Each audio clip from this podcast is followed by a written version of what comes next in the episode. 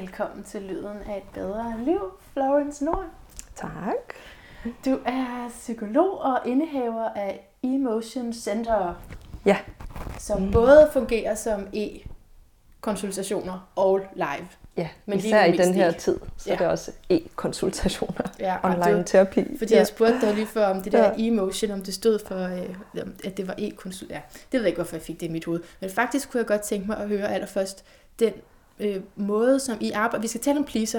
Det Ja. her det er en toer til, til hele pleaser-tingen, som man kan finde i sig selv, og som man måske især kan møde i disse tider, hvor livet er lidt anderledes. Så kan man måske møde nogle sider af sig selv, som ikke er så nemme.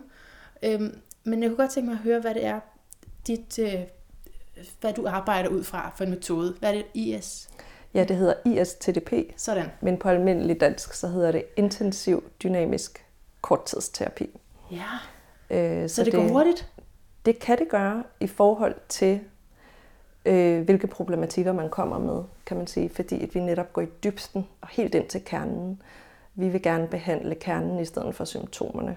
Altså, så kommer du med angst for eksempel, så vil jeg ikke sige til dig, nå, det skal du lære at leve med, og lad os lige finde ud af, hvordan du lærer at leve med det. Så vil jeg sige, hvordan kan vi komme ind og finde ud af, hvad er det, der driver den angst? Og få løst det, få løst den problematik, så du ikke mere skal leve med angst. Mm. Øh, og man kan sige, at der er jo mange mennesker, der for eksempel lever med angst et helt liv, eller mange, mange år af deres liv. Og hvis man kan komme... Ja, men, men den her metode er korttids på den her måde, at vi faktisk på den tid, vi har, kommer ind til dybden og får løst de her udfordringer, folk kommer med. Øh, så de bliver symptomfri senere hen. Og det er gennem et særligt følelsesarbejde, Ja. siden det hedder emotion. Ja, altså nej, mit center hedder bare Emotion Center, Ja, ja, kan man ja. ja. sige, men, men det gør det, fordi at vi arbejder med følelser, og alle psykologer og terapeuter i centret øh, arbejder med følelser, og ikke kun følelser, fordi det er svært at komme ind til følelserne. Så for at komme ind til følelserne, skal vi også arbejde med forsvar, modstand, Ah, angst, alt det her, der kan være en forhindring i at komme ind til de følelser, som er svære, som er smertefulde, som ja, gør ondt, og som vi derfor flygter fra Right. på alle mulige måder. Ja. Så det er derfor, det ligger i navnet. Og så er der så Ja. noget andet, som er den metode, du prøver at beskrive for mig. Ja, er det rigtigt? som vi Ja. alle sammen arbejder med øh, i centret og specialiserer os i, kan man Mhm. sige. Ja. Og øh, så når det kommer til det her med at please, ja. der har du skrevet et meget fint øh, blogindlæg, som jeg blev lidt nysgerrig på, hvor du taler om at please som en overlevelsesstrategi. Og fra mit, øh, mine sidste gæster, øh, særligt den ene, Rosabelle, hun stiller et spørgsmål til dig, fordi vi, vi har spurgt sådan, hvad vil I gerne spørge en psykolog om, ikke? Øh, og, og så var det interessant det her med at få, hva- hvad er det egentlig sådan, øh, hvad, hvor ligger det der pleaser henne i fagbøgerne? Hvad kan det ryge ind under? Altså, øh, det jeg umiddelbart tænker, altså jeg kalder det selv pleaser sammen med mine klienter. Ja. Faktisk, altså jeg, jeg taler et meget sådan dagligdags sprog med mine klienter. Ja. Noget, de kan forstå. Men, men det, jeg tænker sådan rent psykologisk øh, ligger bag, det er, at en, en pleaser tilsidesætter sig selv. En pleaser negligerer sig selv. Mm. En pleaser øh, tror ikke, hun eller han er værdifuld nok til at fylde, til at tage sin plads øh, i vennegruppen, i Mm. familien, øh, med kæresten. Og derfor ofte vil man høre en pleaser sige, øh, jamen hvad vil du? Jamen hvad tænker du? Ja. Jamen, hvad har du lyst til? Ja. Fordi den her person ikke tør at tage sin plads. Og når personen ikke tør at tage sin plads, så kommer den her person til at negligere sig selv. Sine egne behov, sine egne følelser, sine egne idéer, lyster. Øh, hvad den her person egentlig gerne vil, kan man sige. Sin egen vilje også i virkeligheden. Og man kan jo ikke bare sige til personen, så beslut dig dog. Jo, det kan man godt sige. Men jeg tænker for eksempel, jeg har nogle arketyper i hovedet sådan for astrologien. Ikke? Jeg tænker på vægten, og jeg tænker også på fisken, for jeg er selv fisk. Og hvis det er fisken, så, så, så for- fornemmer jeg sådan, at det, en ubalance kan være, at mm, der er ikke noget inde i mig. Jeg ved ikke, hvad jeg, der er ikke, altså, det ved mm. jeg ikke. Der er ikke noget. Mm. Så, så du ved, ja. Det der med beslut dig nu, det hjælper. Ja. måske ikke, hvis man lever i, i, den, i den ubalance. Kan du følge mig? Ja, fordi hvis man har levet i den i mange år, Ja. og man skal også tænke på, hvorfor starter det her? Altså, hvordan starter man med at være pleaser? Mm. Og det gør man jo via sine første relationer, kan man sige. hvor man måske ikke lige bliver hørt, lyttet til, taget seriøst, men hvor der er andre ting, der er vigtigere. Måske mors sygdom, fars autoritære et eller andet, du ved, holdninger og patriarkalske måder at være i familien på, eller et eller andet. Det kan være forskellige ting, ikke? Ja. Men storebroren, der fylder meget, den handicappede lille søster, der kan være andre, der fylder mere. Ja. Og så lærer den her person, som vi kalder pleaseren, øh, at tilsidesætte sig selv. Og det gør han eller hun tidligt. Det vil sige, det bliver et indlært mønster. Det bliver en indlært måde at være i relationer på. Øh, og den her person, som så kæmper med det her pleaser, øh, begynder så at tænke, jamen, øh, hvis jeg fortsætter på den her måde, så i det mindste bevarer jeg mine relationer. Fordi ja. det er det, den her person har lært tidligt ja. i sit liv. Det er sådan, en, en, en, en social relation fungerer. Det er sådan, jeg alligevel får en lille plads, får lov at være med, uden at fylde. Og det er jo vildt nok, hvis man har gjort sig de tanker, men oftest sker det vel uden, at man tænker over det, ikke? Mm. At man ja, ja. finder sig i den situation, hvor det er sådan. Ja, forsvar og, og, og mønstre, som vi tillærer os, de foregår øh, uden at vi tænker over det i ja. virkeligheden. Ja. I hvert fald ikke særlig meget. Til sidst så bliver de bare automatiseret, Øh, og det vil sige, når noget er automatisk, for eksempel som at cykle, når vi så endelig har lært at cykle, så tænker vi jo ikke over, hvordan vi skal pedalere og hvordan vi skal cykle. Så gør vi det bare. Og så gør vi det bare på hvilken som helst cykel, når som helst, hvor som helst. Men ja. så pleaser som overlevelsesstrategi, så har det jo det gode med sig, at vi overlever. Ja, ja. det er det smukke ved det. Hvad andre valg har man? Jamen, man har ikke noget andet valg, når man er lille. Nej. Ikke? øh, og når man er ung, og når man har brug for andre voksne omsorgsgivere øh, til at tage sig af en, så har man ikke andre valg. Og derfor så gør jeg også altid et stort nummer ud af at sige til mine klienter og dem, jeg arbejder med, at hey, det du gjorde var rigtig fedt, det var rigtig godt. Du fandt ud af at overleve, du fandt ud af at cope øh, med, med de midler, du havde. Mm. Ikke? Du fandt en vej ud, du fandt en måde at være sammen med den her familie, eller øh, bror, eller hvad det nu er, øh, kæreste på. Øh, men det, der sker, det er, at der kommer et tidspunkt i dit liv, hvor du ikke, øh, hvor de her strategier ikke fungerer mere. Og derfor sidder du her hos mig. Ja. Det er fordi, de her strategier, du har indlært, indøvet, automatiseret, de fungerer simpelthen bare ikke mere for dig. Det skaber faktisk problemer for dig. Hvad for nogle problemer skaber det egentlig? Øh, det kan være, øh, at, at Jamen, oftest så kommer mine klienter for eksempel til mig og siger, men jeg, jeg føler mig trist, og jeg ved ikke hvorfor. Ah. Jeg er bare ked af det, og jeg er bare sådan, jeg føler ikke, at livet giver mening. Jeg føler ikke rigtigt. Og så begynder vi at snakke om, jamen, hvor det kommer fra, hvad, siden hvornår og sådan noget. Og så finder jeg hurtigt ud af, når jeg så stiller mine klienter spørgsmål, for eksempel, hvad vil du? Jamen, hvad vil du så her i terapien? Så finder jeg ud af, at der er faktisk et problem med den vilje der. Den vilje. Nå, for de kan ikke svare på, hvad de, de vil? Ja, de kan ikke svare på det allerede inde i første session. Så jeg går straks ind og prøver at tjekke med dem, hvad er det egentlig, de fejler. Eller fejler, hvad er det egentlig, de kæmper med yeah. under symptomerne. Yeah. Og så finder jeg frem til sådan nogle ting som viljen. Viljen, der mangler, fordi det kan jeg se, når jeg spørger dem. Så ved de det ikke. Eller hvis jeg spørger dem, hvad føler du lige nu? Så ved de det heller ikke. Og, og alt det her har jo ikke noget at gøre med, at de ikke vil, eller ikke vil svare på mine spørgsmål. De, de er bare ikke vant til det. De har været Øh, de har, øh, hvad kan man sige, tillært sig ikke at være opmærksom på sig selv. Og så kigger de på mig, og så kan jeg se pleaser tendensen i sessionen sammen med mig, hvor de siger, jamen Florence, jeg troede, du vidste, hvad der kunne hjælpe mig, eller jeg troede, at altså, de, de kaster ligesom bolden over til mig, og så siger jeg, jeg vil rigtig gerne hjælpe dig, men skal vi ikke først finde ud af, hvad du gerne vil have hjælp til? altså, og så kaster jeg bolden tilbage til dem. og så sidder uh, vi sådan i sådan en kamp øh, uh, i starten. Det er, det er virkelig interessant, for jeg, jeg kan godt sætte mig i din klients sted også, ikke? Det er ja. det, jeg prøver på. Og det, kan, det skal, kræver ikke så meget indsats, det kan jeg godt. uh, altså, så, fordi man har lyst til at sige, du, nu må du, jeg har betalt penge for at komme her, ja. og ja. du har uh, den her Ph.D.-uddannelse, og har skrevet bøger, og har et center, og så, så kan du ikke hjælpe mig. Altså, ja. Ikke? Ja. Og også den der følelse af, når du spørger, hvordan har jeg det, at mm. så mhm. skal jeg lige kigge i dine øjne for at se, øh, hvad, hvad, hvad, hvad, for nogle valgmuligheder har jeg? ja, ja. Og lige så snart du gør det, ikke, er du så over i dig eller over i mig? Er du Ja. over og prøve at tjekke med mig, hvad det egentlig er for svar, jeg gerne vil have? Eller er du over i dig og prøve at finde ud af, hvad det egentlig, du gerne vil have hjælp til? Eller du gerne vil blive bedre til? Eller du føler lige nu og her? Men altså, må man ønske hvad som helst? Det er jo ikke en ønskebrønd. Må man ønske hvad som helst?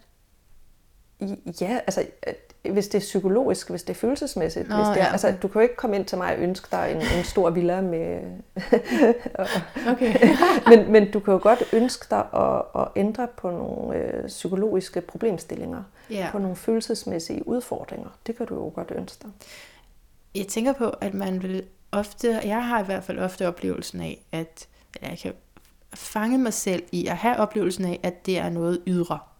Mm. Så hvis jeg kom til dig, ville jeg måske ikke helt klar over, at det havde noget med mig at gøre. Mm. Ja, men det har, det har noget med dig at gøre. Ja. Det har noget med, med, med... Altså den, der oplever udfordringerne, det er også den person, der skal løse udfordringerne. Og ligesom vælge at gøre noget andet, end det han eller hun plejer at gøre.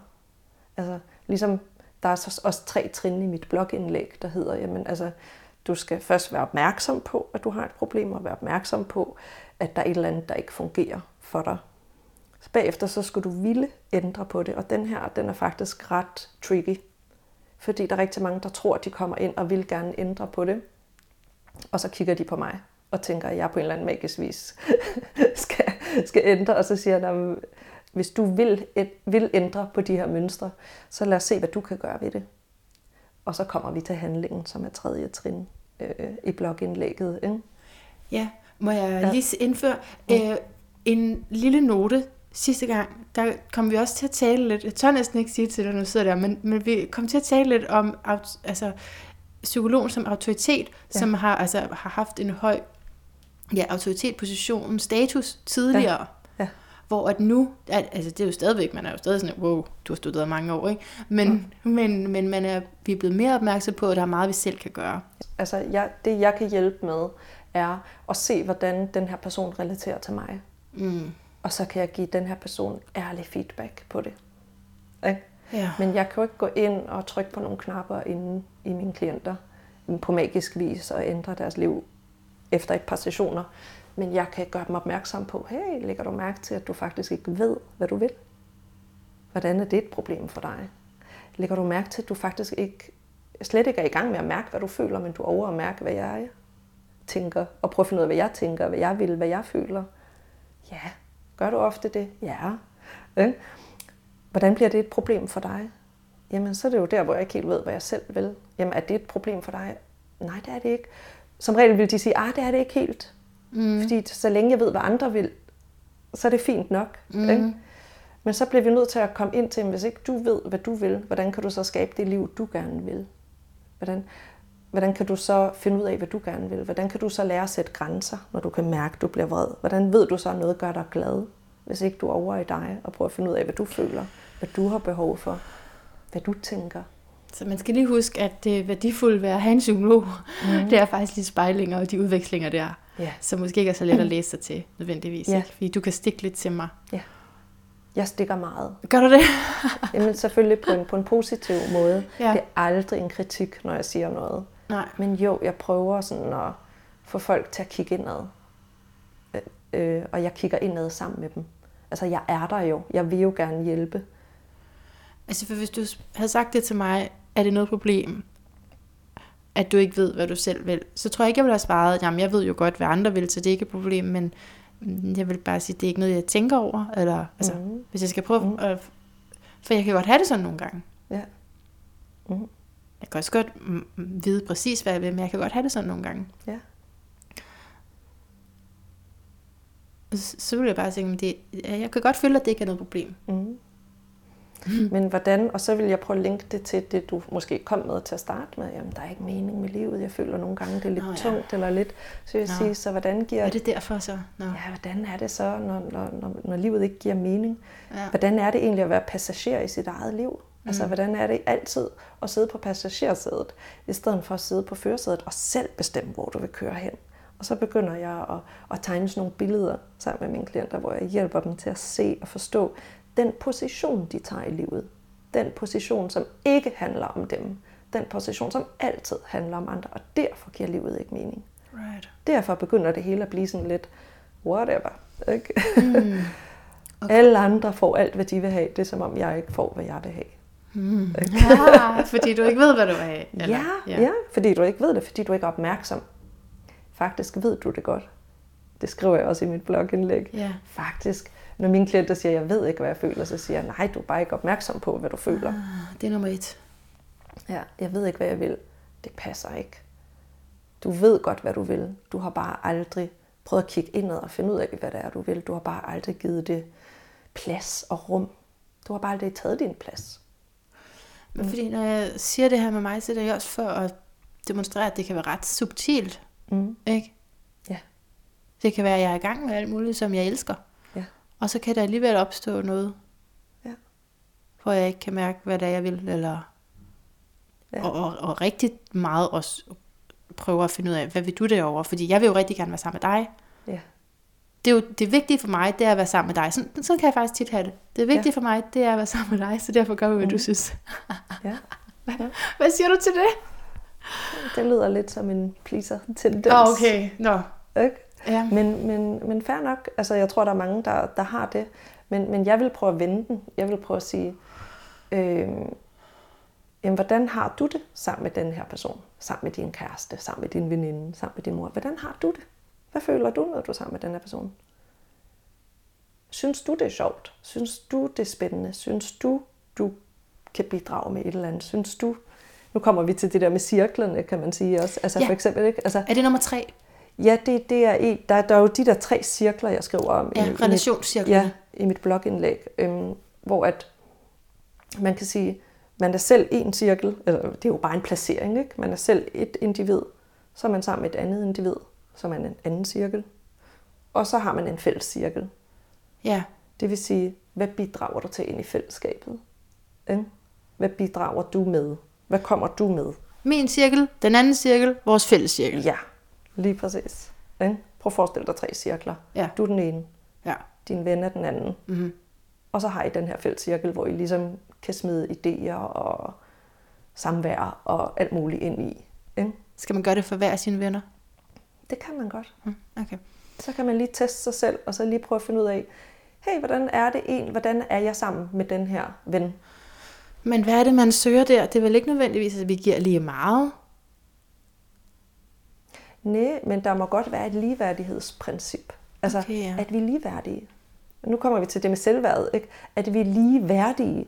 Ja. At vi har værdi hver især. Det vil Ja. sige, det du har lyst til, har lige så meget værdi, som det han har lyst til. Ja.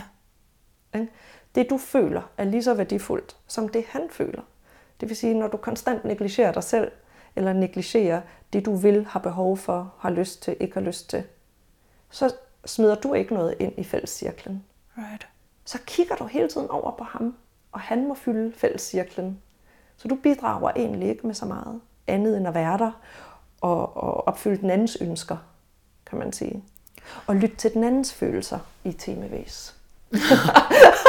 Men det er fordi, det er fordi mens du det, altså, maler det meget stort op, så prøver jeg at få fat i det helt subtile, Ja. som jeg tror endnu flere kan relatere til. Fordi umiddelbart, når man klikker ind på den her, så er det jo ikke sikkert, at man tænker, at man selv er pleaseren, men kan være, man tænker, fordi det kender man en, der er.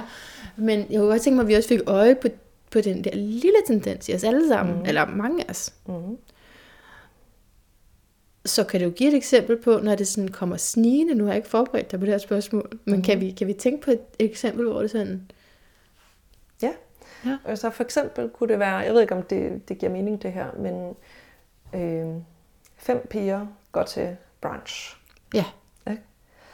Og så er der en, der siger, jamen øh, skal vi ikke bare bestille en flaske hvidvin til den her brunch? Eller sådan noget. Ikke? ja, Og så den her ene person øh, vil hellere have en smoothie, end det der glas. jeg kan allerede mærke det her, virkelig, Ja. i min krop. Ja, Nå, undskyld, ja. det er rigtig fint. Bare mærke efter.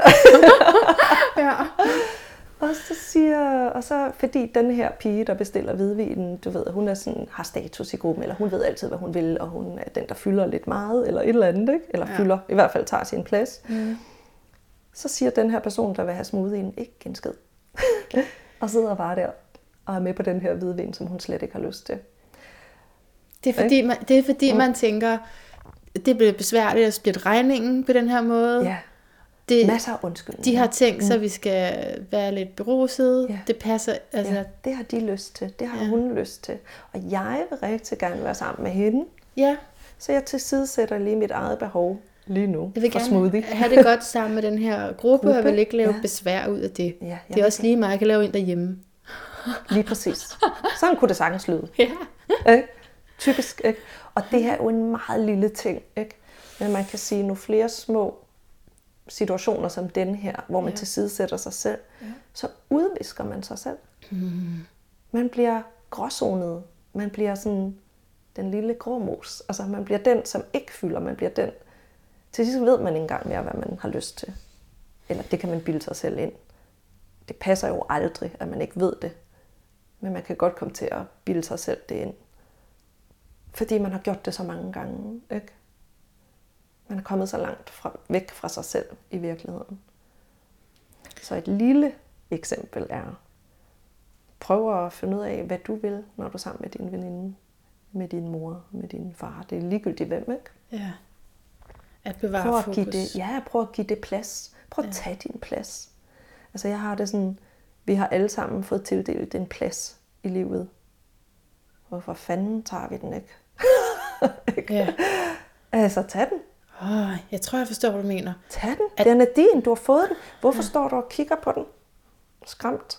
Og tænker, "Dan, nej, nej, der er masser af undskyldninger til, at jeg ikke skal tage den. Masser af undskyldninger. Og frygt. Allermest frygt. Ikke? Frygt for, hvis jeg tager den, vil folk så stadigvæk kunne lide mig. Vil de her veninder så stadigvæk kunne lide mig? Vil den her kæreste stadigvæk synes om mig, hvis han finder ud af, hvem jeg i virkeligheden er? Og igen, så er det jo ikke sikkert, at man tænker alt det der, Florence, vel? Det er jo ikke sikkert, at man tænker det. Men når jeg siger det højt, så ved man godt, man har tænkt det. Eller man har und- det har ligget underliggende sådan og rumsteret. Jeg tror, der er noget, man kan genkende i det. Ja, der er Ikke? noget. Undskyldningerne. Helt og... klart, der er masser, jeg kan genkende i det, men jeg, det er bare fordi, jeg ikke selv bevidst har tænkt det der, Nej. hvis, han virkelig, hvis de virkelig finder ud af, fordi måske jeg ikke selv ved det, hvem jeg er. Mm-hmm. ikke? Ja. Så det er ikke fordi, jeg sådan har et eller andet, jeg skjuler, men det er bare, men det, Ja. det rammer mig, når du siger det der, tag din plads. Ja, tag den.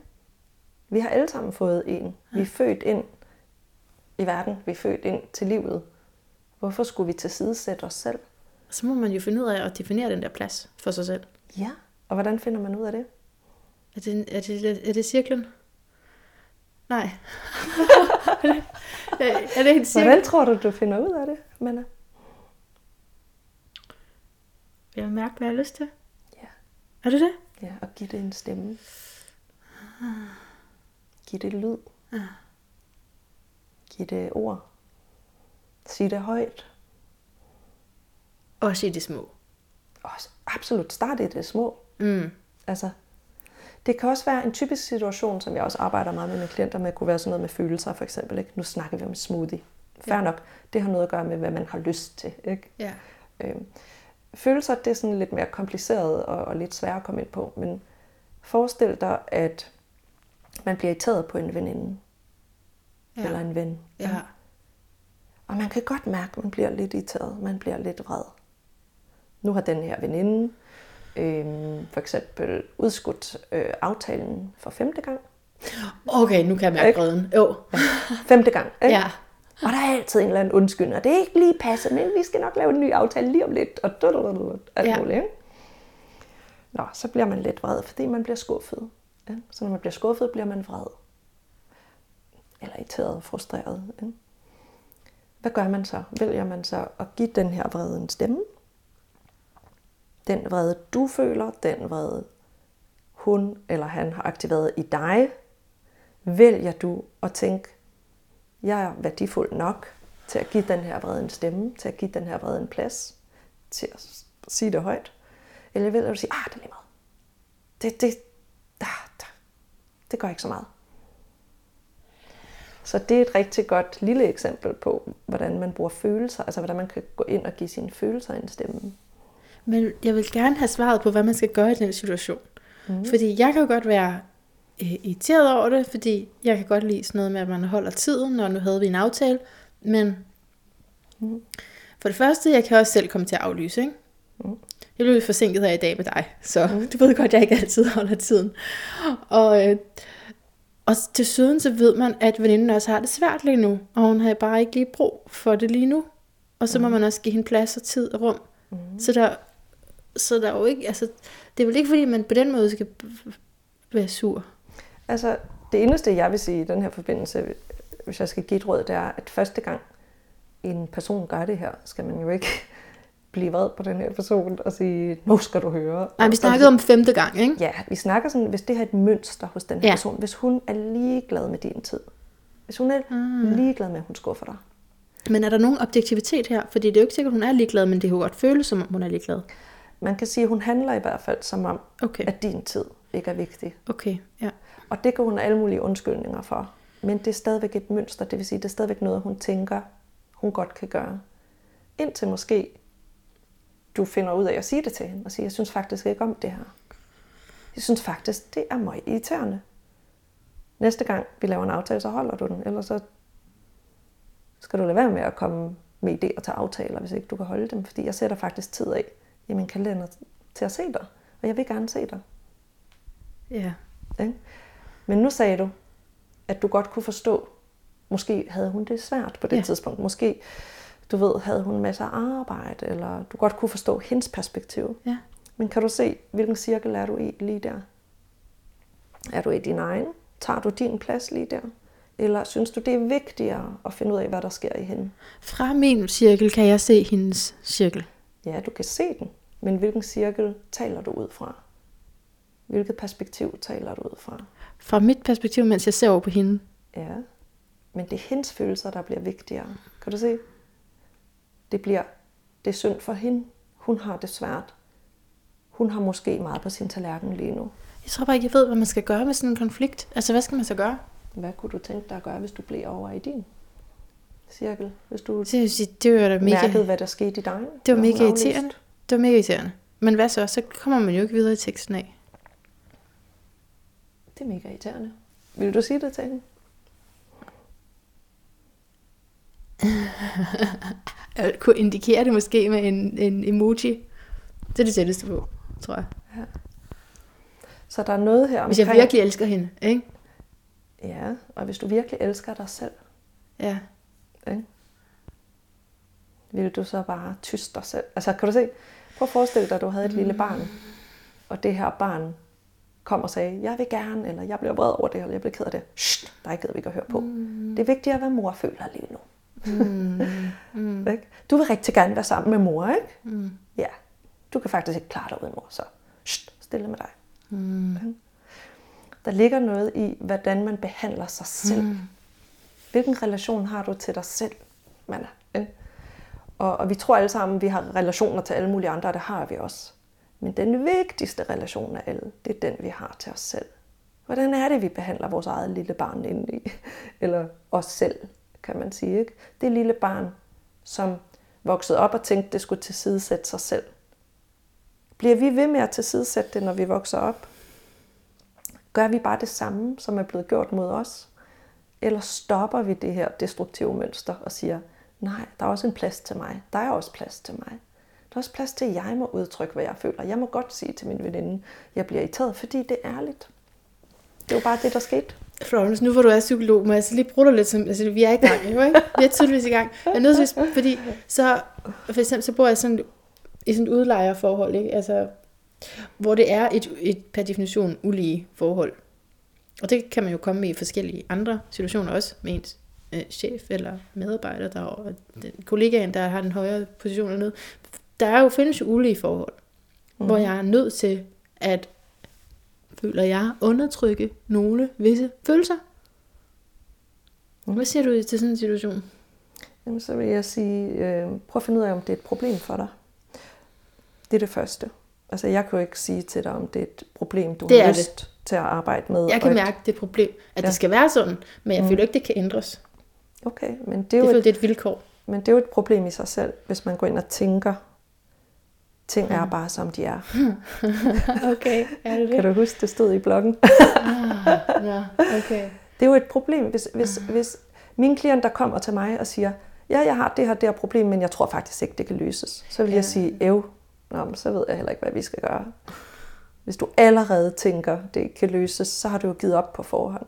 Kommer der nogen til psykolog bare for at vise, hvor dårligt stillet det er? Det kunne jeg godt finde på. Ved du hvad? Jeg tror, at alle, alle der går til psykolog, og alle, der kommer ind til mig, gør deres allerbedste. Mm. Men deres allerbedste er jo bare det, de går og kæmper med nogle gange. Altså, mm. de, de kommer bare ind, sætter sig og viser full blown out ja. deres problematik det det i relationen til mig. Ja. Og det er jo fantastisk. Og der er ingen kritik omkring det her. Det her er faktisk et rigtig fint øjeblik, at de viser mig det ja. i relationen til mig. Fordi ja. så kan jeg jo vise dem, spejle dem, forklare dem, få dem til at forstå, det nytter jo ikke noget at give op på forhånd. Jeg sidder jo ikke og siger, nå har du givet op godt, farvel. Det siger jeg jo ikke. Jeg siger bare, kan du se, at du er ved at give op lige nu? At du bare tænker sådan af ting? Så siger de, ja, det er da også bare sådan. Så siger jeg, må jeg udfordre dig på den tanke, du får der, at ting bare er, som de er, sådan statiske, øh, du ved, ikke kan ændre sig. Øh. Ja, det må jeg godt. Okay.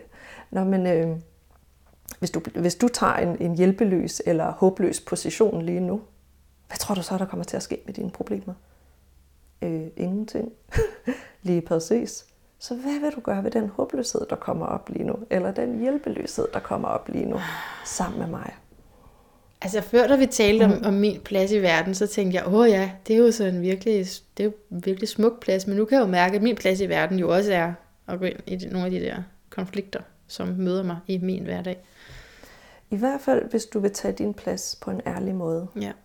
Og det er jo det, jeg opfordrer til. Det er jo mm. det, jeg tænker kan få os ud af vores indre følelsesmæssige konflikter. Mm. Kan du se? Yeah. Det er at være ærlig og tage konflikten i relationen udad til, i stedet for bare at køre den ind i intrapsykisk, så tag den interpsykisk, mm. altså med yeah. et andet menneske. Yeah. Ja. Simpelthen bare være ærlig. Det er mit bedste råd. Vær 100% ærlig, det får man det super godt af. og man, man risikerer noget, ikke? Liv og lemmer ja. føles det det føles sådan, ikke? Og nu kommer frygten, ikke? Ja. Frygten, som styrer det hele. Frygten, som siger, nej, aldrig. Du skal aldrig vise, hvem du er. Du skal aldrig vise, hvad du føler. Du skal aldrig tilkendegive, hvad du vil, hvad du har brug for. Ikke? Fordi du kommer til at miste relationer på det, siger frygten. Men hvis vi lige kigger på det helt konkret, ikke? Ja. hvilke relationer realistisk set kommer man til at miste, hvis man stopper med at plise? hvilke relationer vil ikke kunne tåle, at man begyndte at i talsætte, hvordan man havde det, hvad man havde lyst til, hvad man ikke havde lyst til, hvad man følte. Jamen, det kunne jo være. Det kan, jeg kan nævne mange. Nu, nu kommer der mange op i noget. Det kunne også være et ubalanceret forældreforhold eller noget, ikke? hvor man vidste, at de ikke kunne rumme. Men, men det kunne også bare være de her ulige relationer, som jeg taler om. Om det er læreren eller mm. øh, ja, chefen, udlejeren, ikke? nogen, som har magt over dig, mm. Mm. der risikerer jeg noget. Ja, der, der kan være konsekvenser ved det. Men igen må man opveje konsekvenserne og så sige, hvad gør det egentlig ved mig at undertrykke mig selv? Hvad er konsekvensen af det? For der er også en konsekvens der, og det er for eksempel, at man bliver halvdeprimeret, øh, livet ikke giver mening, man bliver angst i sine relationer. Mm. Der er mm. masser af konsekvenser der. Man kan ikke mærke sig selv. Man ved ikke egentlig, hvad der er bedst for en. Der er masser af psykologiske konsekvenser, følelsesmæssige konsekvenser herover. Ikke? Så kan man sige, ja, en konsekvens, hvis man udtrykker sig selv ærligt over for sin udlejer, kunne jo være, at udlejeren sagde, så må du ikke lege ja. lokalet mere, eller lejligheden mere, eller ja, ja. et eller andet. Ikke? Ja. Så kan man så sige, hvad, hvad, hvad er egentlig vigtigst her? Er det at gå igennem livet og undertrykke sig selv for at have en lejlighed, eller øh, den lejlighed, eller kunne man måske finde noget andet, eller kunne man, altså var der andre muligheder? Giver det mening? Ja, ja, ja, det er bare, det er så vigtigt, at du er her, Florence. Kan du mærke det? Det er virkelig vigtigt, de der ting, du siger.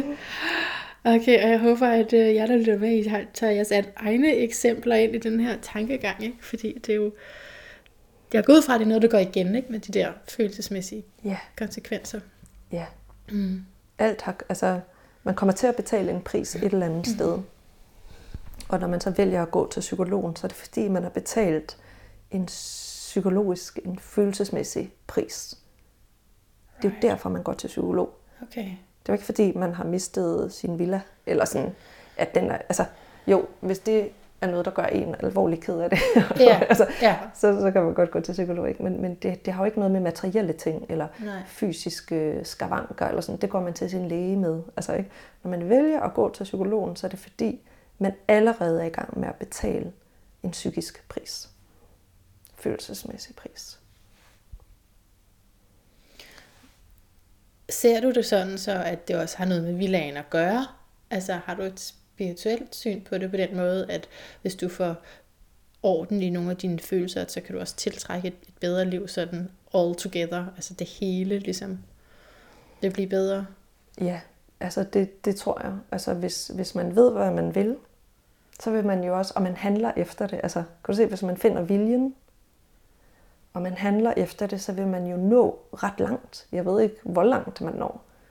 Jeg ved, øh, hvis jeg tager et personligt eksempel, altså, jeg vidste på et tidspunkt, at jeg ville læse psykologi. Ja. Og på det tidspunkt boede jeg i udlandet, jeg boede i Schweiz. Og øh, tog tilbage til Danmark, startede på STX toårigt. På det tidspunkt var jeg, hvor gammel var jeg? 27. Jeg startede sent Ja. med at læse, men jeg vidste, nu vil jeg læse, okay, jeg har ingen gymnasial uddannelse, så jeg tager lige en hurtig toårig STX, og så tager jeg fem år på universitetet. Mm. Ja, så er man på SU i en alder af 27 til Ja. mange, mange år frem. Ikke? Mm. Men, men så, så, så alt har en pris, ikke? Alt, man, Mm, man betaler noget, men, Ja. men det der med at vide, hvad man vil, og så gå efter det, Mm-hmm. og handle på det, det fører faktisk til nogle resultater. Mm-hmm. Øh, og hvis jeg bare havde flagret lidt rundt i verden og tænkt sådan, jamen jeg ved ikke, hvad jeg vil, og det her er også godt nok. Jeg var bare tænder i Genève. ikke? Mm-hmm. Jeg fandt bare ud af, at det ville jeg ikke mere. Men hvis ikke jeg var inde og mærke mig selv, så havde jeg da ikke fundet ud af, at jeg ikke ville det mere. Så havde jeg tænkt, det er nemt nok. Mm. Det kan jeg rejse på. Så kan jeg rejse lidt mere. Men på et eller andet tidspunkt fik jeg nok af at være bartender. Fik jeg nok af at servicere øh, folk i en café, eller og tænkte, nu vil jeg noget andet. Og det kan man kun finde ud af, når man er inde og mærke efter. Og hvordan mærker man efter ifølge dig?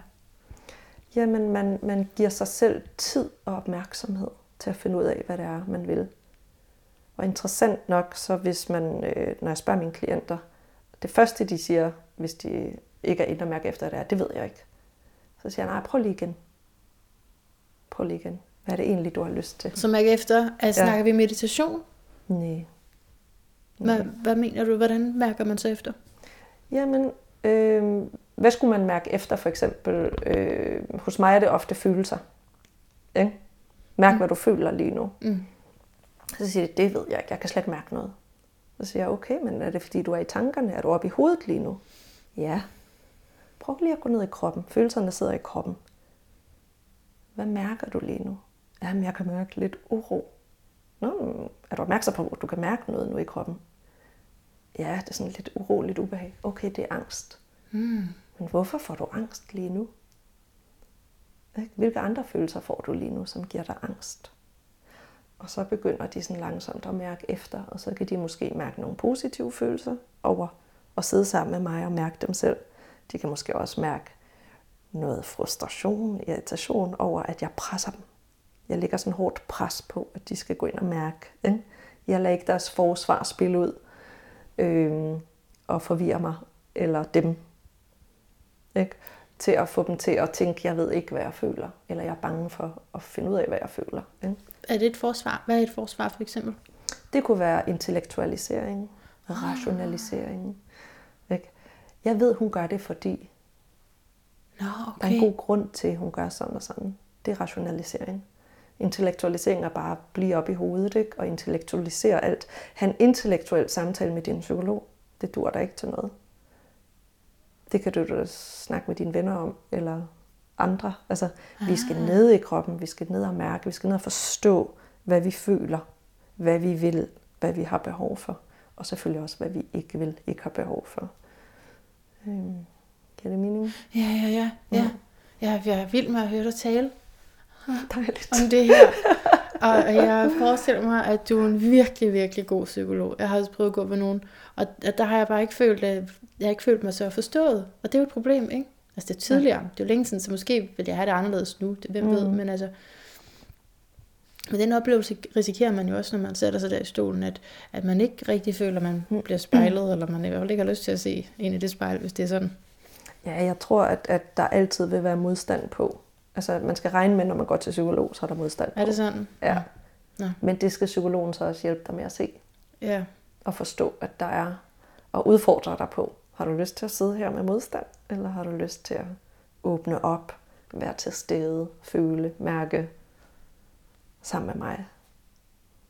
Det er jo svært at hjælpe en, der sidder helt nedlukket med modstand på.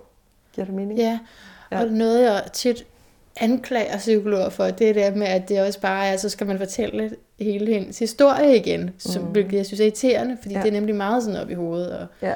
øh, men så, så jeg kan godt lide din, at jeg kan godt lide jeres metode der med det er følelserne.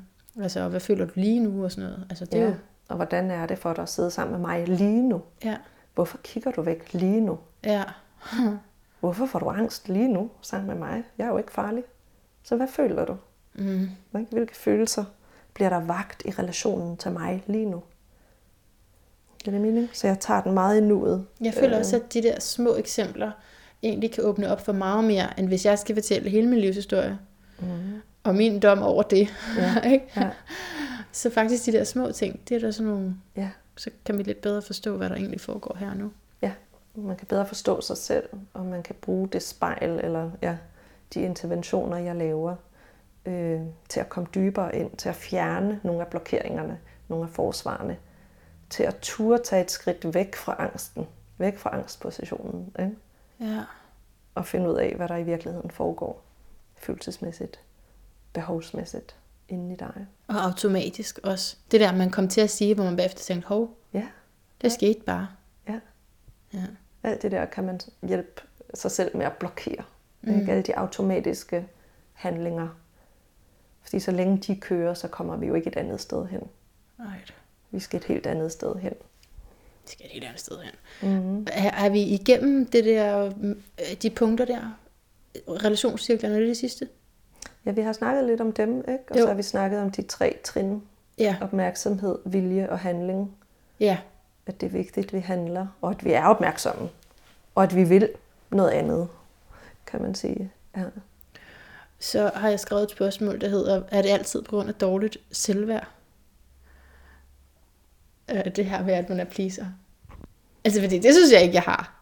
Mm. Det synes jeg ikke, jeg har. Men jeg synes stadigvæk godt, jeg kan være i den anden kategori der. Mm. Kan man ikke være i bare lidt forskellige kategorier? Hister her. Altså, jeg tror, der er forskel på selvværd og selvtillid. Altså, man kan godt vide, at man er rigtig dygtig. For eksempel, man, så kunne du tænke, at jeg, jeg er rigtig dygtig til at lave de her podcasts, og jeg... Jeg tænker, jeg, tror, jeg har mere selvværd, end jeg har selvtillid. Okay. Men selvværd, jeg kunne stille dig spørgsmålet sådan her. Øhm, værdsætter du dig selv sammen med dine veninder? Sætter du høj, dig selv altså i høj værdi? Altså, Sammen med veninderne. ja. Føler du, du må fylde lige så meget? Føler du, du må sige lige så meget? Føler du, du må bestemme lige så meget? Føler du, du kan fortælle, hvordan du har det lige så meget, som de kan fortælle, hvordan de har det? Ja, det synes jeg. Mm. Har jeg så godt selvværd? Ja, hvis du værdsætter dig selv, ja. og, hvis du, og hvis du er ligeværdig, Ja. indgår i ligeværdige relationer med andre. Men kan du se, hvor, hvor nuanceret vi kan gøre det her? Mm. Fordi det synes jeg godt, jeg kan fornemme, ja. at jeg kunne sidde i en stue og, og føle mig elsket, og jeg må dele så meget, jeg vil. Øhm, men jeg kan bare også godt fornemme den anden der med, at vi er ude at spise sammen. Nu skal du ikke Mhm. ødelægge stemningen, fordi du vil noget andet. Måske også, fordi jeg typisk gerne vil noget andet. Ikke? Ja. så, det, så har jeg været i den situation mange gange. Ja. Men så, det, så kan men... vi ikke nuancere det? Altså skal vi sige, ja. så er det dårligt selvværd? Nej, nej, det er ikke så sort-hvidt. Godt. Det er ikke sort-hvidt, vel? Og nogle gange, så skal vi også gå på kompromis. Lad os sige, at du de sidste fem gange har bestemt, hvad der skulle ske. Ja. Så det, måske på tide, at det bliver Så lidt er mere ligeværdigt, at det er en, der Ja. ja. ikke har sagt, hvad hun har lyst til i lang tid, der får lov at bestemme, hvad der skal ske. Ikke? Ja. Altså, så, så det handler også om at kunne gå på kompromis. Mm-hmm. Ikke? Og, og, og gruppedynamikker er jo, der sker jo en masse ting i gruppedynamikker og sådan noget. Øh, så det handler om, at alle sammen ligesom føler sig øh, godt tilpas i gruppen. Ikke? Øh, men det må ikke være på bekostning af nogen. Nej. Og især ikke den samme hele tiden. Ja. Nederst skriver du, er det på din hjemmeside, eller et sted skriver du i hvert fald, at, at du arbejder med alle psykologiske problematikker. Ja. Øh, og det synes jeg bare, det er meget. Altså, det er der mange. Så er der mange. Så er der meget arbejde. Ja. Så er der noget særligt, du interesserer dig mere for end andet? Eller arbejder du, altså, er du, elsker du bare alle problematikker? Jamen, man kan altså, have. ja, men det, jeg, jeg tror, at, at mange diagnoser, eller hvad man kan kalde det, at, at ting kan hedde så meget. Ikke? Mm. Øh, men det, jeg har fundet ud af over årene, er, at det bunder i nogle af de samme problematikker oh. indeni. Så derfor så kan det godt se ud som om, okay, at arbejde med alle problematikker lyder sådan, som om jeg er ekspert på alle Det er ret områder. tværfagligt. Ja, det er jeg ikke. Nej, okay. Men lige så snart personen sidder i stolen over for mig, så kommer du jo igen tilbage til, hvordan relaterer hun eller han over for mig. Og så kan det godt være, at de kommer ind og siger, at det var spiseforstyrrelse. Det er depression, det er angst, det er OCD, det er, hvad ved jeg, et eller andet. Ikke? Og så, når de sidder i stolen over for mig, så viser jeg dem og hjælper dem med at se, hvordan de undgår at mærke det, de mærker. Hvordan de undgår at være til stede i relationen. Hvordan de fra en tidlig alder har indlært øh, og, og vende vreden indad, for eksempel. altså, hjælper, Angribe dem selv. Ja. Ja. Udsulte dem mm. selv. Mm. Eller har lært at blive mm. ængstlige i stedet for at være tro mod dem selv og ærlige og fortælle, hvordan de har det. Og så lige pludselig så går de rundt og pusser vandhaner og toiletter og vasker gulve altså, det skal vi jo lige 18 nu gange. i coronatiden. Så er det bare vask. Ja. En gang til. jeg forstår, hvad du mener. Jeg forstår, hvad du mener. Men øh, jeg får jo bare lyst til, at øh, der, er, der er samtlige personer, der dukker op på min bevidsthed, hvor jeg tænker, de skal lige ind og sidde ved dig. Mm. Altså, siger det, så siger det igen noget af mig, vel? At jeg tænker på dem. Jamen, altså, man, man kan godt tænke på andre, og så tænke, den her person kunne, kunne have godt af. Okay, og, det må man og, godt. godt Ja, ja, og man kan også som en god veninde anbefale en veninde eller en ven og sige, hey, jeg tror ikke lige, jeg kan hjælpe dig med den her problemstilling. Nu synes jeg, du har Ja. ja. talt om det i fem år. Ja. Du er stadigvæk sammen med ham der fyren, som ikke er god for dig. ja. Fem år. Øh, Jo. Måske skulle du søge noget hjælp. Ja. Altså, det vil jo være omsorgsfuldt at gøre. Men, øh, men det er jo vigtigt at, at kunne blive sig selv også. Det er jo det, vi taler om ja. i dag. Ja. Ja. Ikke? Så, så ligesom at finde ud af, er der noget, jeg gerne vil arbejde med? Er der noget, jeg gerne vil være bedre til? Er, det noget, er der noget, jeg kæmper med? Øhm, det må ligesom være temaet i dag, man bliver ja. I sig selv, Jo. Jo. og ikke er for meget over i de andre. Ja. Så det er et godt sted at være derinde i sig Ja. selv. Ja.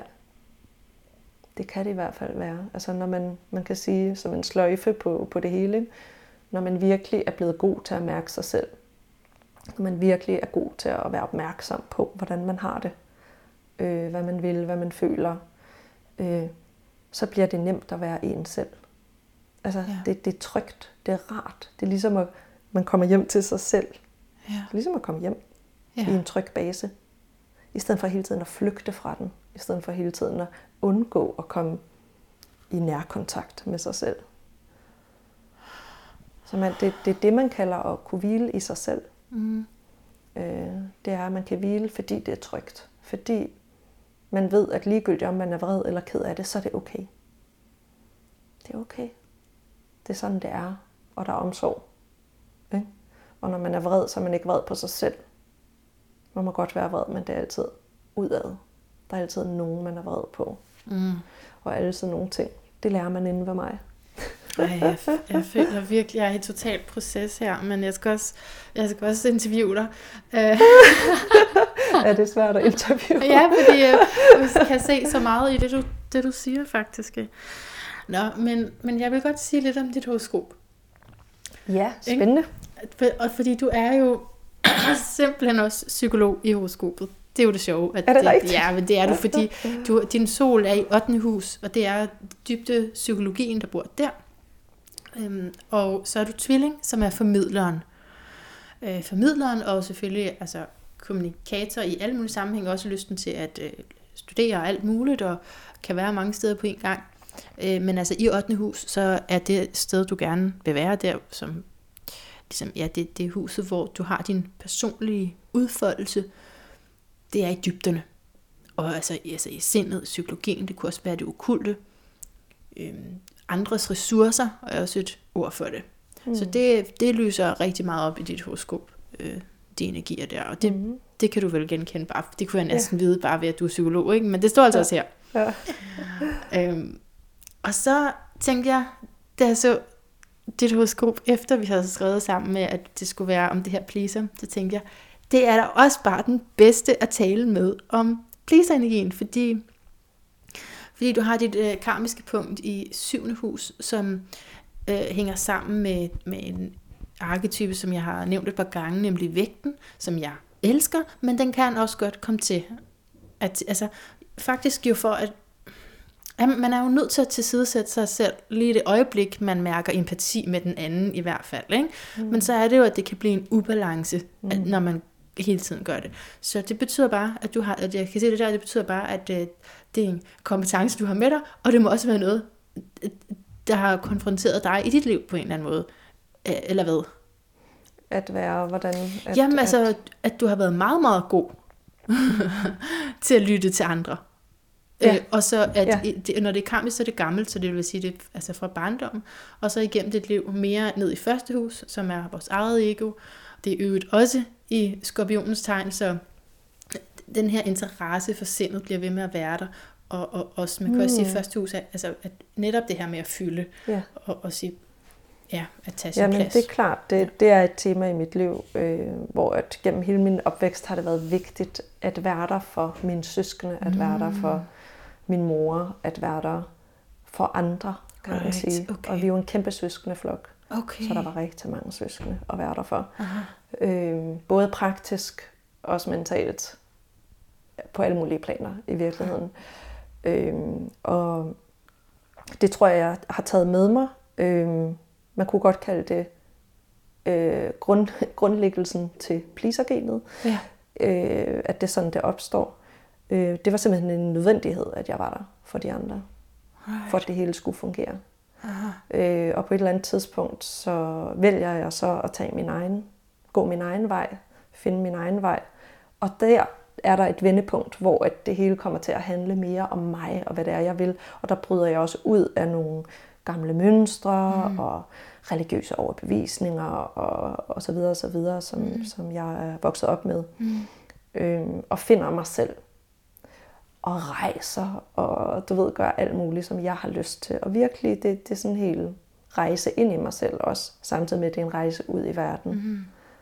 Øhm, og så har jeg også senere i mit liv skulle tænke på, hvordan jeg er sammen med mine venner, mm-hmm. og hvorfor jeg har de venner, jeg har. Ja. Og, og finde en balance i de venskaber. Jeg har gamle venskaber, som jeg stadigvæk har, og nye venskaber selvfølgelig. Øhm, og der tænker jeg, at jeg har fundet en rigtig fin balance øh, i dag. Så du har venskaber, ja. som er fra der du Teenageårene. selv var anderledes, ja, Ja, og du troede ja. noget anderledes, Ja. og så har du nogen i dag, som mere til det, du tror på i dag. Ja. ja. Og hvor at de venskaber, jeg stadigvæk har i dag, er nogen, hvor vi har kunne følges ad, hvor vi har kunne udvikle os sammen, Ja, det og er ikke det. væk fra hinanden. Nej. Men vi har holdt af hinanden og har kunne forstå hinandens udviklinger, mm. og faktisk også støttet hinanden i at komme et bedre sted hen. Ja. Øh, ja. Ej, det er Så- interessant. Jamen det, er- altså det, er- ja. Du er en super god psykolog, det kan jeg mærke herovre, fordi jeg elsker også, at du har altså, været igennem så mange ting selv, ikke? så du ved, hvad du taler om på egen krop. Mm. Øh, Og, og det der med, med venner, det er da et kæmpe tema for alle, tror jeg. Altså, Ja. hvornår skal man give slip, og hvor længe skal man kæmpe, og skal man overhovedet kæmpe? Og. Og hvad så, når de, for eksempel, hvor man får lyst til at anbefale en psykolog, men så kan det jo ikke sikkert, at de lige siger, at det lige er det, de vil, og Nej. de stadigvæk er ked af det. Hvad gør man så? Mm. Jeg tror, det handler meget om at forstå, at, at selvfølgelig skal vi være der for hinanden, øh, og vi skal være der for vores venner.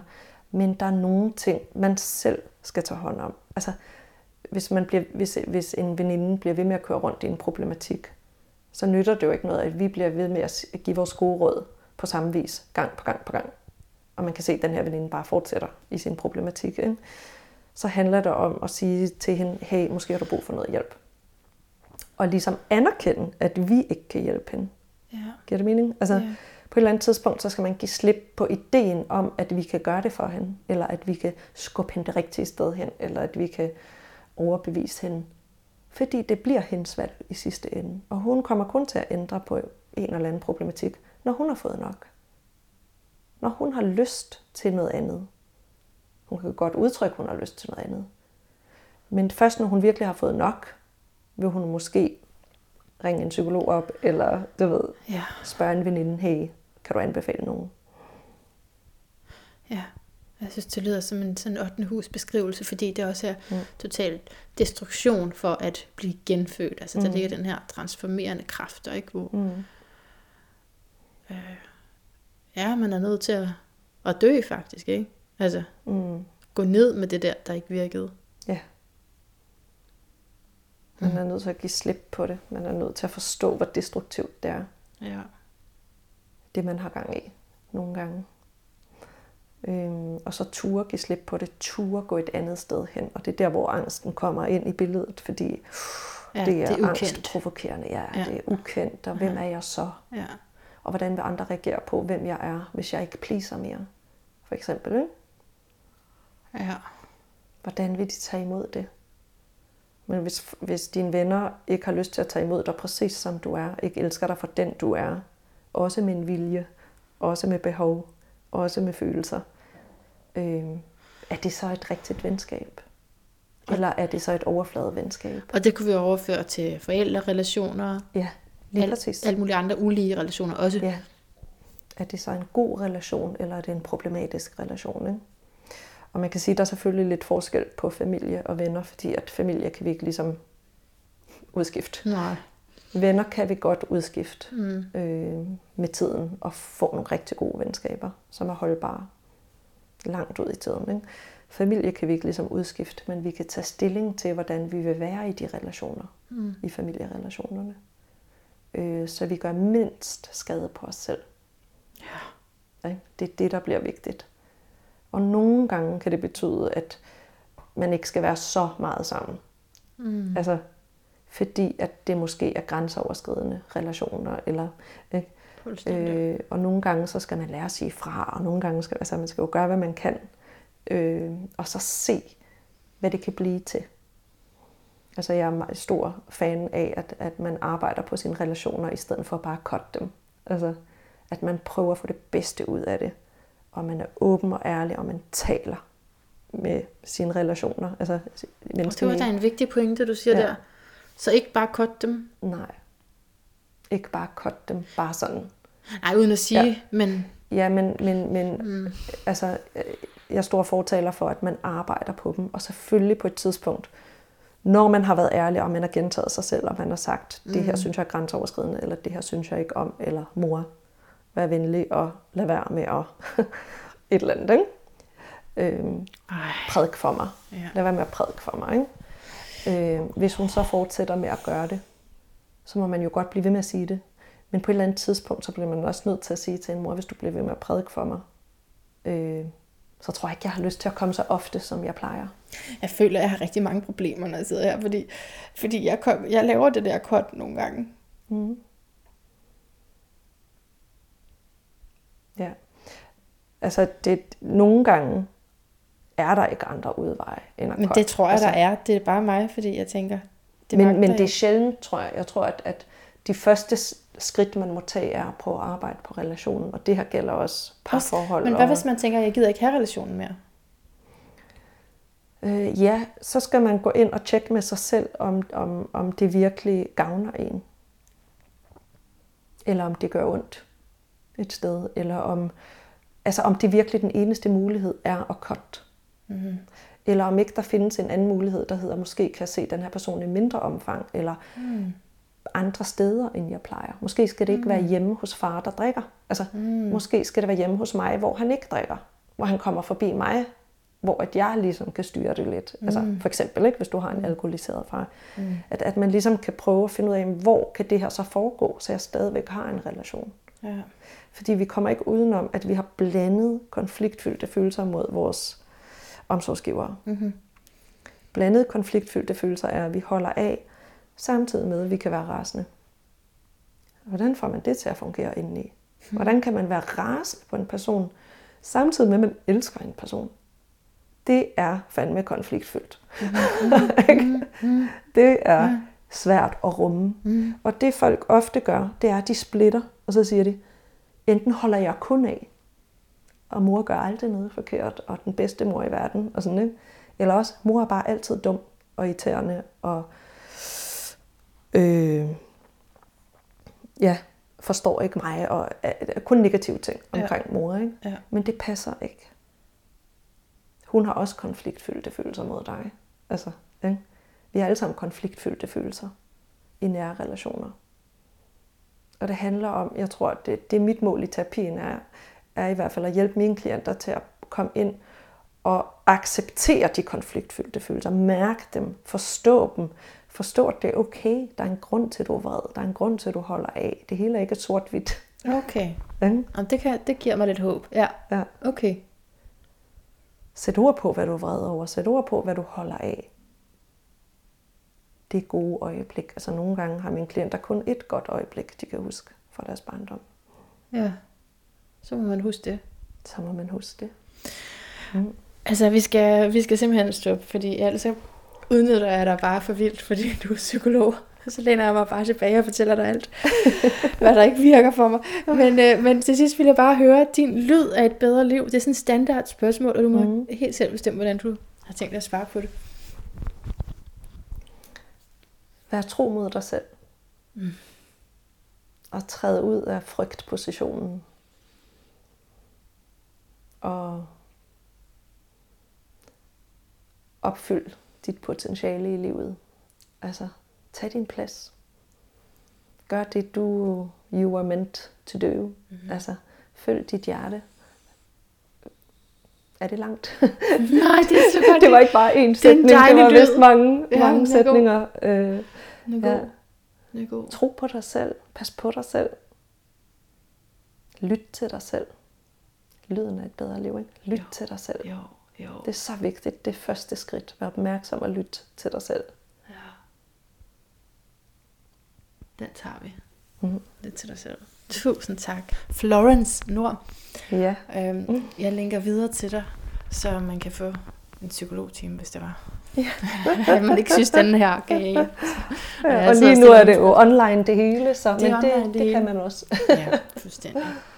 Ja, men tak, tak fordi jeg måtte komme, det, ja. Manna af hjertet. Tak fordi du har lyttet med til den her samtale. Hører du at øh, Florence faktisk også kommer fra et en religiøs baggrund, hvis du hørte det sådan lige ud af en ørekrog og tænkte, hvorfor griber man ikke den, hvorfor spørger hun ikke ind til det? Så er det simpelthen fordi, hun havde varslet mig om det inden, at vi tændte mikrofonen, og vi aftalte, at det må vi simpelthen lige snakke ud om og på mikrofon øh, på et andet tidspunkt, men vi snakkede heldigvis en hel masse, uden at mikrofonen var tændt. Det er også lidt, det er også lidt en smule ømme emner, ikke? men altså, det er jo det, jeg selv kommer fra, så derfor var det ekstremt spændende, at vi øh, har, kan dele noget af den baggrund. Udover det, så øh, er jeg jo helt forelsket i hende som psykolog. Altså, det var da godt nok fantastisk, hvad hun lige kunne pinpointe for mig. Som, øh, som ikke nødvendigvis synes jeg passer ned i, når så har du dårlig selvværd, eller så har du den, den diagnose, eller, men, men egentlig bare, hvad med lige præcis den her hverdagssituation? Hvorfor siger du det ikke, som det er? Og hvad er det for nogle automatiske programmer, der kører? Det synes jeg bare var så spændende og så givende, så det håber jeg, at øh, du også fik noget ud af. Og øh, ja, så det er også, jeg prøver også lige at gøre lidt godt igen for det, jeg sagde i sidste episode om psykologer. jeg, har ikke, jeg har ikke sagt noget negativt, jeg har måske bare sagt, at tiden var løbet frem, og det kunne jeg mærke i det her møde, at det er den ikke. Vi har stadig brug for de der spejlinger, ikke? og lige få få lidt hjælp til det, som sker, uden vi rigtig mm, måske har lyst til at lægge mærke til det mange gange. Derudover så kan jeg da også lige give den kommentar, at jeg gav den gode mikrofon til Florence den her gang, fordi jeg har faktisk fået et par henvendelser efter sidste episode om, at mikrofonerne til gæsterne er ikke dur. De dur, okay, men det er bare fordi, jeg har én god mikrofon. Det har det faktisk hele tiden været sådan, jeg har én god mikrofon. altså på et tidspunkt, og kommer der en sponsor, ikke? Kender du Johan Bylov personligt, eller en eller anden? Jeg ved, jeg, ved, jeg tænker bare, at han vil være en god sponsor, men det er nok fordi, jeg forestiller mig, at han betaler chokolade, men det, det er jo ikke noget, når jeg taler om det her. Øh, okay, tag nogle andre, men nogle mennesker, der har rigtig mange penge. Øh, hvis jeg får sådan en sponsor, så bliver der bedre lyd. så får jeg nogle mikrofoner, som er gode til hele holdet. Jeg giver til hele holdet, hvis jeg får en sponsor. Ikke? De vi ikke aftale det. Men lige nu, så er der kun en god, og jeg skal nok, jeg synes faktisk, det er en rigtig, rigtig god feedback at få. Jeg har faktisk også fået den før for år tilbage, hvorfor jeg selv havde, havde den gode mikrofon, og det var egentlig bare, jeg synes, det var svært at sætte på andre, og andre kunne ikke rigtig håndtere den. Men det, jeg vil ikke øh, undskylde det væk længere, fordi I har helt ret. I har faktisk ret. Og jeg er så glad for jeres feedback. Det er jeg virkelig på alle måder. Både til det tekniske, det indholdsmæssige. Endelig, endelig sig til mig, hvordan du oplever det. Så fremover, så vil jeg give gæsten den gode mikrofon. Og det er et løfte. Sådan der. okay, så jeg håber, at du har nydt den her. Jeg håber også, du har hørt uh, nummer 1 med Katrine Birk Rosabel Fischer. Nummer 1 om pleaser tendensen. Og så altså også min ekstra episode om Lilith. Jeg kan ikke lade være med at se Lilith i alting, efter jeg har fordybet mig ind. Jeg ved ikke, om jeg trænger igennem ordentligt med budskabet, når jeg fordansker det og opsummerer det i det afsnit, men det er i hvert fald intention. Nå. Men indtil vi høres ved igen, gentænk alt. Måske især, hvad du føler lige nu.